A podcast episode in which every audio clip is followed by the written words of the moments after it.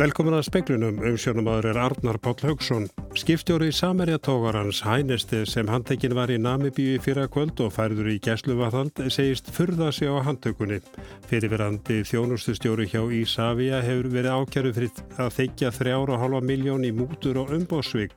Framkvæmtastjóri tæknifyrirtækis er einnig ákjærður í málunum. Tíu manns var sagt upp störfum hjá Hafransunarstofnun í dag að auki sögðu fjórir upp störfum. Forstjóri stofnunarinnar segir að skipularsbreytingar standi yfir, sviðum og deildum verði fækkað. Kostnara við nýjan millilanda og innanlandsflugvelli Kvassafraunni gæti orðið að lámarki 300 miljardar krónam. Þetta kemur fram í nýri skýslu sem kynnt var í þingnemnd í dag. Benjamin Netanyahu, forsætistráðra Ísraels, hefur ákjærið fyrir fjármálarspillingum. Ríkisaksóknir ætlar að fara fram á það við þinglandsins að hafa verið sviftur þinghelgi. Argrímur Brynjálsson, skipstjóri samhærjatógarans hænistið sem handekinn var í Namibíu fyrra kvöld og farður í gæstum varðhaldi segist fyrða sig á handtökunni. Hann sendi frá sér yfirlýsingu í dag þar sem hann segir að venja sér svo þegar skip sé saka um að veiðar í lokuðu hafsvæði að skipstjóri sé leitur fyrir dómar og slefti samdagus. Hann hafi hins vegar þurft að gist í fangageimsli nótt þar sem langt að veri liði dags þegar fiskistofa Namibíu hafi rætt við hann. Hann vonist til þess að máli leysist innan skams. Á 34 ára skipstjóra ferli sínum hafa hann aldrei verið sagaður um broti í starfi. Ríkis fjölmiðlin NBC í Namibíum greini frá því að Argrími hafi verið gert að afhenda vegabriði sitt, hann sé farbanni og máli verið tekið upp á ný í lók januar. Hérars saksónar hefur ákjart fyrirverandi þjónustustjóra hjá Ísafja fyrir mútuþægni og umbóðsvig. Hann er sagður hafa þegið um þrjár og halva miljón í mútur í tengslu við kaup Ísafja á miðum í bílastæði hlið fyrir nokkrum árum. Ákjæran verður þingfest í hérastómi Reykjanes í byrjun næsta mánadar. Framkvæmtastjóri tæknifyrirtækis sem seldi í Savia miðana er einni ákjærður í málunu en hann er sagður hafa hagnast um fjórar og halva miljón vegna málsins. Í ákjærunni kemur fram að málið megi reykja til kæru í Savia frá því í júli fyrir tveimur árum en í Savia höfðu þá borist upplýsingar um brotin frá fyrirverandi starfsmanni tæknifyrirtækisins. Saksóknari segir að þegar í Savia kefti 760.000 aðgangsmiða af tæknifyrirtækinu í júni 2015 hafi þjónustustjórin í krafti stöðu sinnar síða til þess að í Savia greitti óeðlilega hátt verð.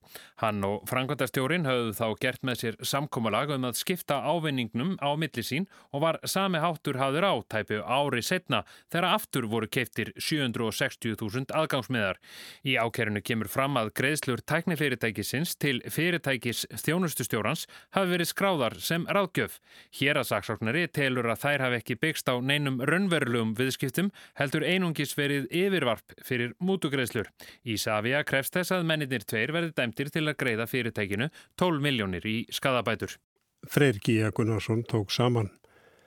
Það geti tekið alltaf 20 ára að leggja flugvöld í kvassarhaunni fyrir bæði milli landa og einanlandsflug eftir að ákvörðun væri tekinum að leggja Kostnar við hann gæti orða að lámarki 300 miljardar króna. Þetta kemur fram í skýslu sem unnin var fyrir samgönguráðanitið og kynnt var í öngverfis og samgöngurönd alþingis í morgun og nánarum þetta síðar í speiklinum.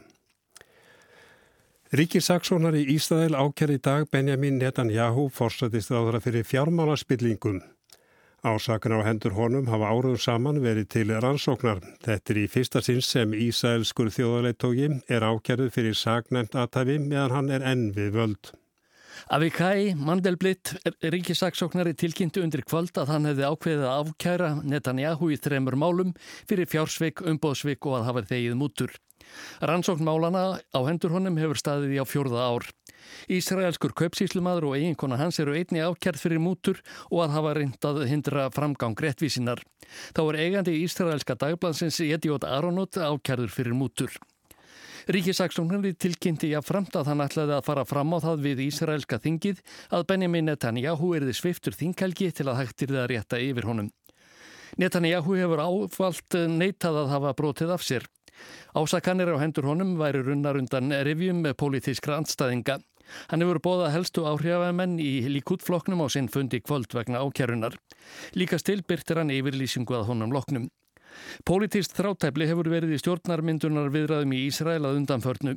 Letúum flokkana sem hafa mest fylgi á þingi, Netanyahu og Benny Gantz, hefur mistekist að mynda stjórn. Líklagt þykir að sögn Ísraelskra fjölmiðla að ákerran á hendur Netanyahu eigi enn eftir að auka á flækjustíð. Áskir Tómasson saði frá.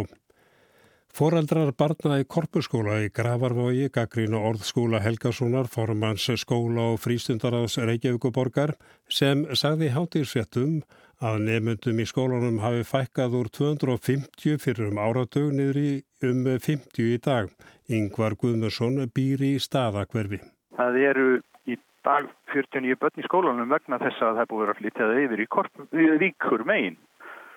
Uh, sko hann talar um 250 börn þau voru það með úlingadeildin á sín tíma. Það voru líka skúrar á lúðinni þessi skóli bara byggði fyrir 170 til 180 börn og þar leðandi er hann bara að fara með fleipur.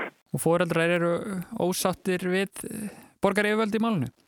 Já, fóreldrar eru mjög ósattir það var skipað samráðshópur af hálfuborgarinnar í fullru okkar í samráðshópnum völdu þeir íbúi í hverfinu sem var reyndar kennar í einum af þessu þreymur skólum og gæti ekki beitt sér í samráðsvotnum sem er alveg ólingundum að velja líka fulltrúa sem fóröldra og íbúi í hverfinu. Sagði Ingar Guðmursson og Andri Irkild Valsson talaði við hann. Tíu manns var sagt upp störfum hjá Hafranssonarstofnun í dag. Sigur Guðjónsson fórstjóri segir að auk þess hafi fjórir sagt sjálfur upp störfum.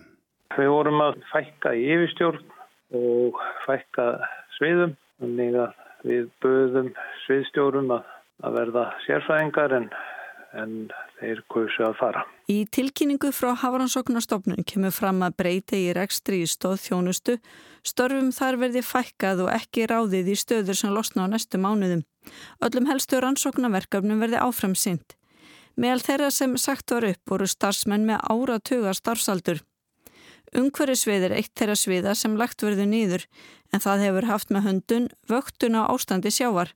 Sigurði segir að þeirri vöktun verð ekki hægt heldur flutti yfir önnum svið. En hvers vegna þarf að fara í sparnæðaraðgerðir? Við, við þurfum að hagraða eins og aðrar stofnunni ríkisins og, og svo erum við náttúrulega bara að, að breyta umhverfi.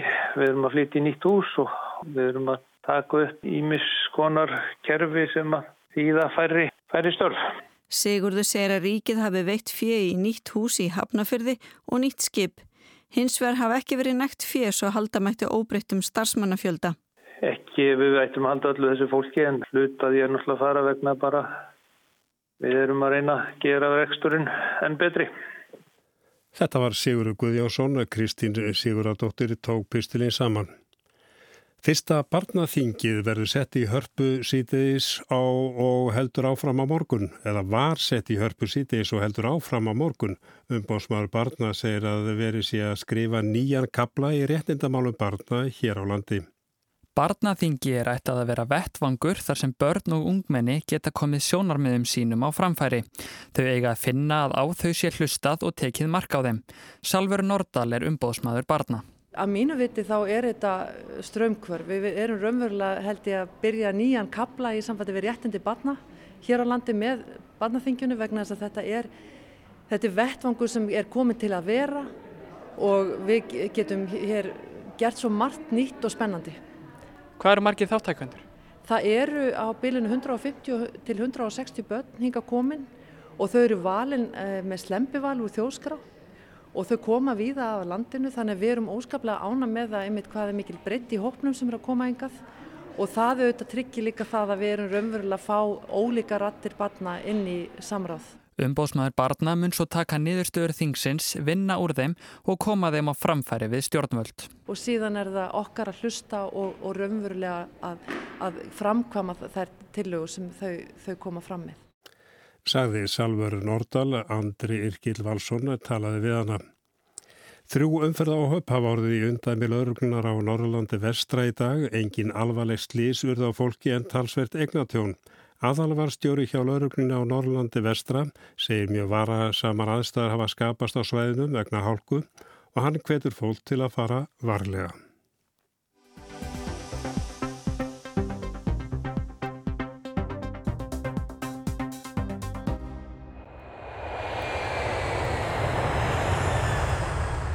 Það gæti tekið alltaf 20 ára að leggja flugvöld í kvassarhaunni fyrir bæði milliland og innanlandsflug eftir að ákvörðun væri tekin.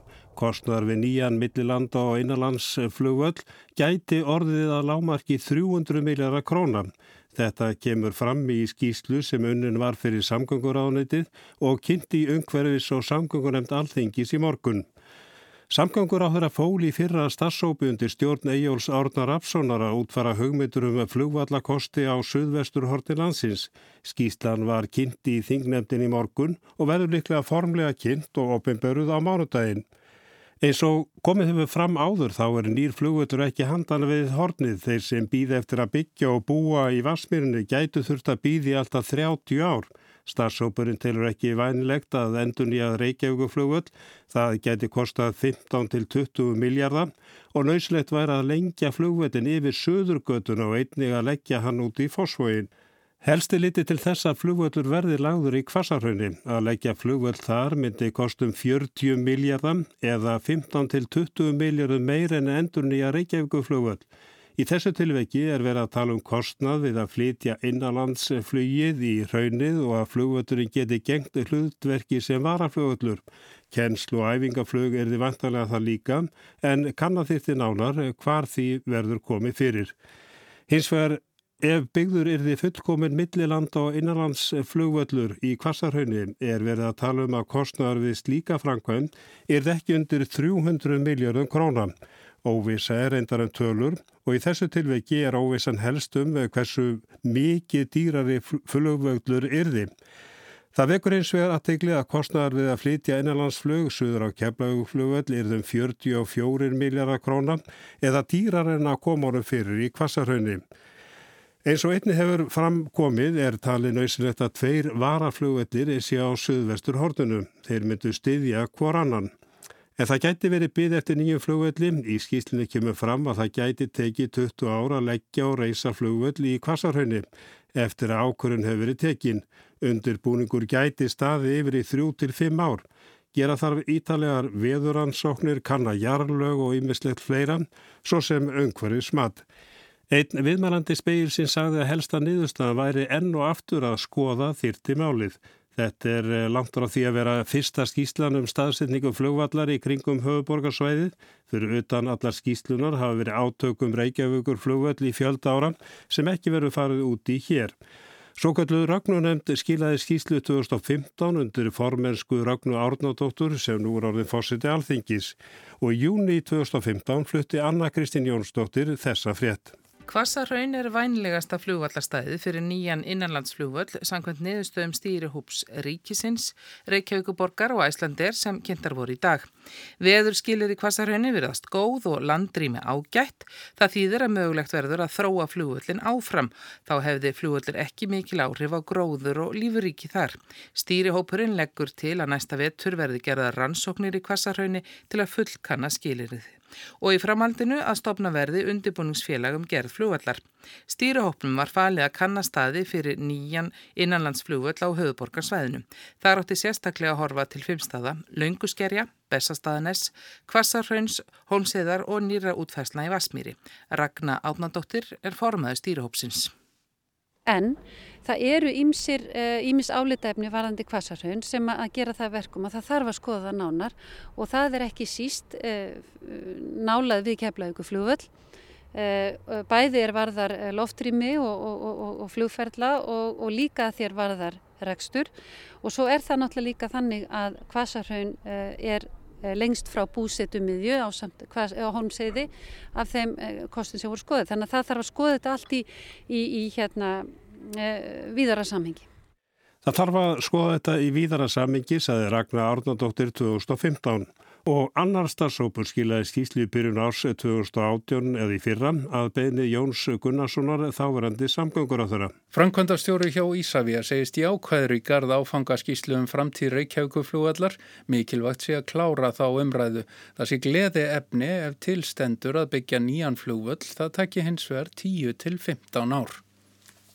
Jón Gunnarsson þáverandi samgöngur á þeirra skipaði starfsóp í september síðastlinum til að finna viðunandi lausn á framtíð Reykjavíkur flugvallar.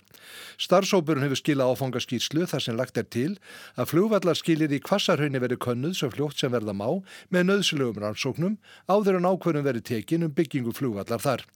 Tryggja þurfi að flugvallurinn í Vassmýri verði fullum rekstri þar til annar flugvallur verður tilbúin.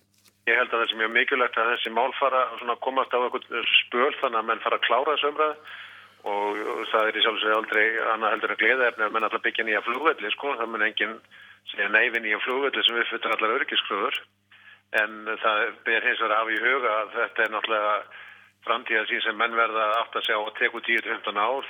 Segir Jón Karl Ólásson, framkvæmdastjóri innanlandsflugvallasviðs Ísafja. Hann nefnir umhverjusmat og fleira sem þurfa að gera, þannig að nýr flugvallur í Kvassarhaunni veri tilbúin í fyrsta lagi eftir 10 ár. Framhefur komið og ítrekkað er í áfangaskýrslunni að tveir flugvellir þurfa að vera á suðvesturhornir landsins sem geti með góðumóti þjóna millilandaflugi.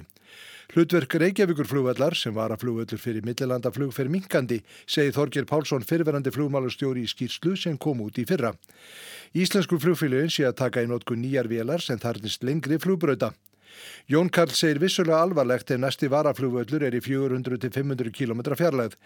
En Reykjavíkuflugvöllur virki vel sem varaflugvöllur fyrir minni vélar sem fljúa til og frá landinu. Og við erum ekki alveg að sjá að það breytist varandi þær minni flugvölla nýjum sem er að koma.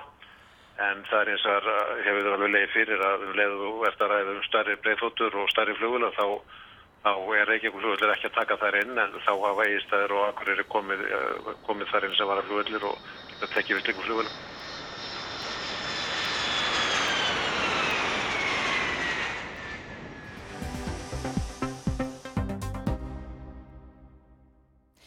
Það er dýrt að reyka heimili fyrir einn. Pakkaferðir eru hannaðar fyrir dæmigerðar kjarnafjölskyldur og stórar pakningar í verslunum ítundir matarsóun. Speillin fjallar þessa dagana um stöðu einbúa á Íslandi. Í þeim löndum sem við berum okkur sama við fjölgar stöðugt í þessum hópi.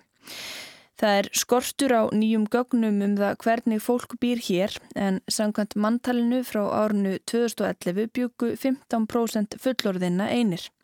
Speillin fekk tvær konur og tvo karla til að ræða reynslu sína því að reyka heimili fyrir einn og komst að því að með lagni geta einbúar stundum nýtt sér pakkaferðir og að kjötsægir geta verið mesta þarfa þing á einmenningsheimilu. Já, ég heiti Elin Björg Ragnarstóttir og ég hef búin að búa einn frá 2005.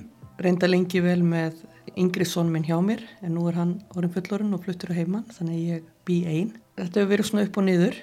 Ég er náttúrulega þegar ég skildi þá er ég með ungt barn, 7-8 eh, ára strák og fyrir nám og uh, þá fann maður það vel hvernig það er að vera með eina innkomu þar sem að til dæmis námslánin dögðu ekki fyrir húsalegunni og uh, auðvitað komið meðlag og, og barnabætur og, og húsalegubætur og eitthvað slíkt. Og það var í rauninni svo peningur sem maður hafði til að lifa af. Og uh, bara sem dæmi þá get ég ekki hugsað mér sko hérna núlupakkana á 30 krónur í bónus lengur. E, auðvitað lögir svo námi og þá tók við betri tímar. Og í dag hef ég það bara mjög gott. En e, auðvitað að búa einn þá er náttúrulega bara einn innkoma. Og e, til dæmis húsalega er til þess að gera há og þú ert að hafa bara þokkalegustu tekjur til að borga af húsalegu eða að kaupa í húsnæði og uh, þá munar náttúrulega um það hvort það er einn að vinna fyrir því eða tveir og má segja heimilishald kostar jafn mikið fyrir einn eins og fyrir tvo. Þú ert með sjónvarsáskrift og tryggingar og, og eitt og annað.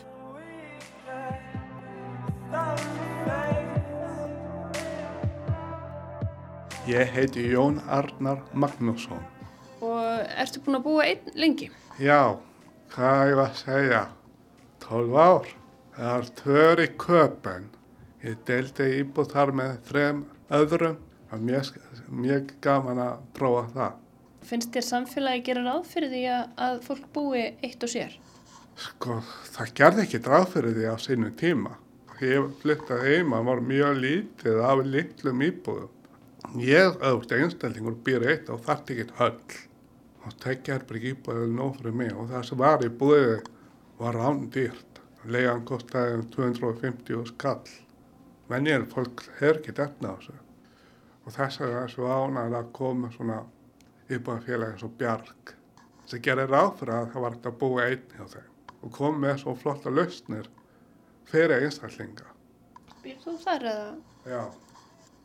Að áður fekk ég bara íbúið gegnum vini og, og vandamenn en það er ekki allir svo les í þannig stöðu.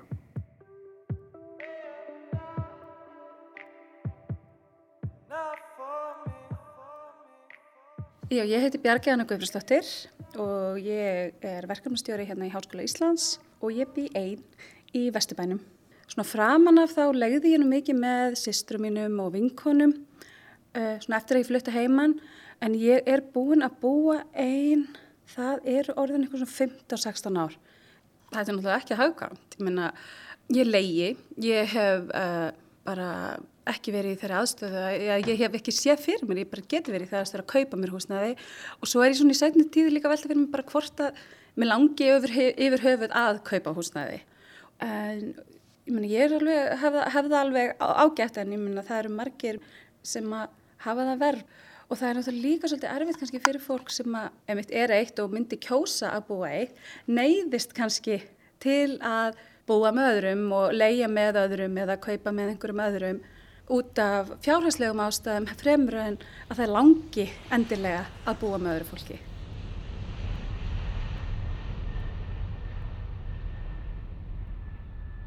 Sko það er náttúrulega, maður glýmir við þetta luxusvandamála að, að maður hefur orðið e, peninga til að ferðast, skoða heiminn og e, allar ferðir eru í raun e, verlaðar fyrir tvo.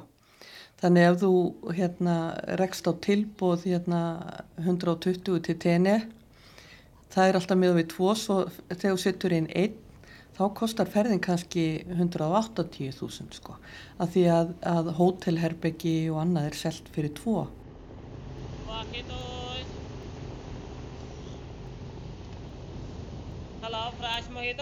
Það er ekki bara meða við hvern einstakling?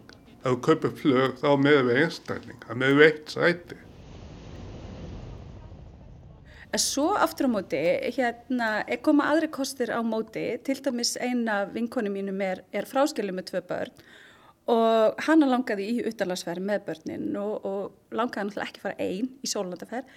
Þannig að við bara fórum sem kjarnafjölskylda, bara tveir fullornir og tvei börn í svona pakkaferð til spánar og það var rosalega skemmtilegt en hérna, og það var náttúrulega og það var rosalega dýrmætt að eiga svona langan tíma með góðri vinkonu sem við hefðum ekki átt, svona, átt saman því að þetta er eitthvað sem við myndum veru aldrei gera ef hún væri enn með mann.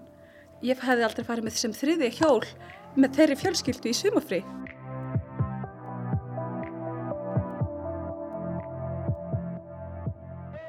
Herði já, ég heiti sem sagt Sigurkandur Ívarsson og uh, ég hef búin að vera einn, já, meira eða minna í átján ár. Ég er búin að vera í tveimur samböndum átján árum, tvö ár og tvö hald ár. Mér, mér finnst, ég meina auðvitað hefur að sína kosti á galla að búa einna og hérna, ég, ég hef reyndar alltaf verið svolítið sjálfur með nægur. Þannig að eh, ég hef alltaf getað fundið mér eitthvað að gera. Ókostið geta verið þegar þú til dæmis að vesla í matinn. Maður lendir oft í því að þurfa að taka mat og hendunum af því að maður klárar hann ekki og kannski eh, af því að ég, ég vinn stundum svona óreglulega og þá er maður ekki alltaf að elda.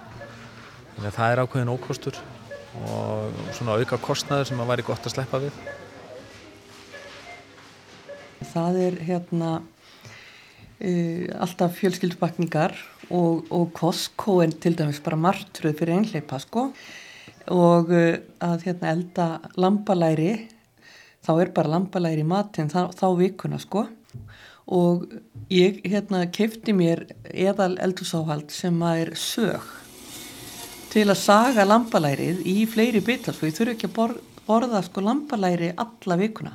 Og þetta er bara mitt helsta hérna eldursáhald í dag. Það er sögin til að hérna, saga bara fróðsir lambalæri í parta.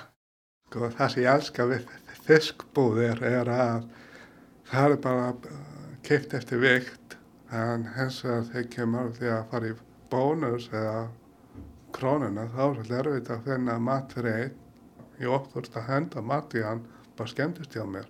Það eru reyndur mörg, mörg ár síðan þegar ég stóð mig enn eitt skiptið að vera henda úr ískapnum af því að maður var að reyna að spara, kaupa, gera einhver magn innkaup að þá er ég svona, ok, nú ger ég þetta ekki lengur þannig ég kaupi fyrir frekar oftar og kaupi sjálfnar þannig ég býð göngufæri með melabúðina og versla langa oftast þar.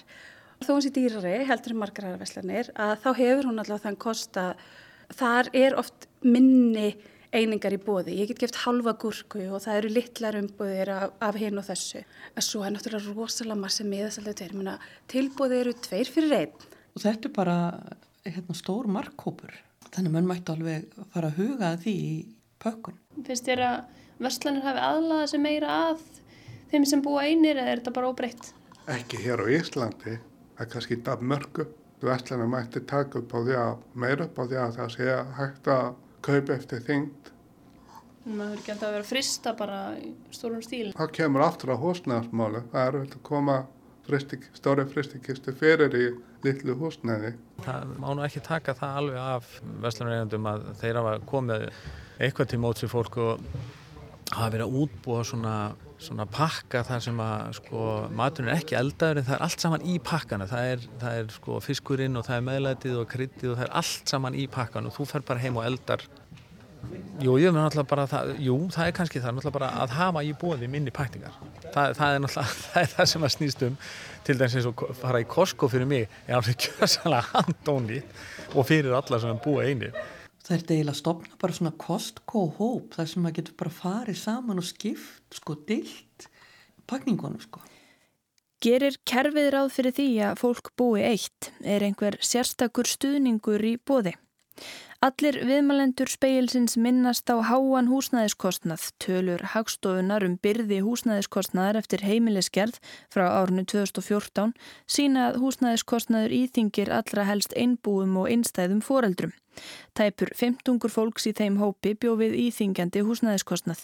Það er húsnæðiskostnað sem nefnur yfir 40% af ráðstöfunartekjum heimilis. Sambúðar fólk sveið síður undan húsnæðiskostnaði, hvort sem það voru börn á heimilinu eða ekki. Viðmælendu mínu nefna að það mætti styðja sérstaklega við hennan hóp. Og ég tala nú ekki um fyrir fólk sem er kannski með þessi hérna, 300.000 til 400.000 á mánuði. Það gefur auga leið að þetta fólk, það bara á ekki líf ef það býr eitt. Og uh, ég hef oft hugsað þetta að, að skattkerfið það væri hægt að hjálpa fólki gegnum skattkerfið, fólk sem býr eitt.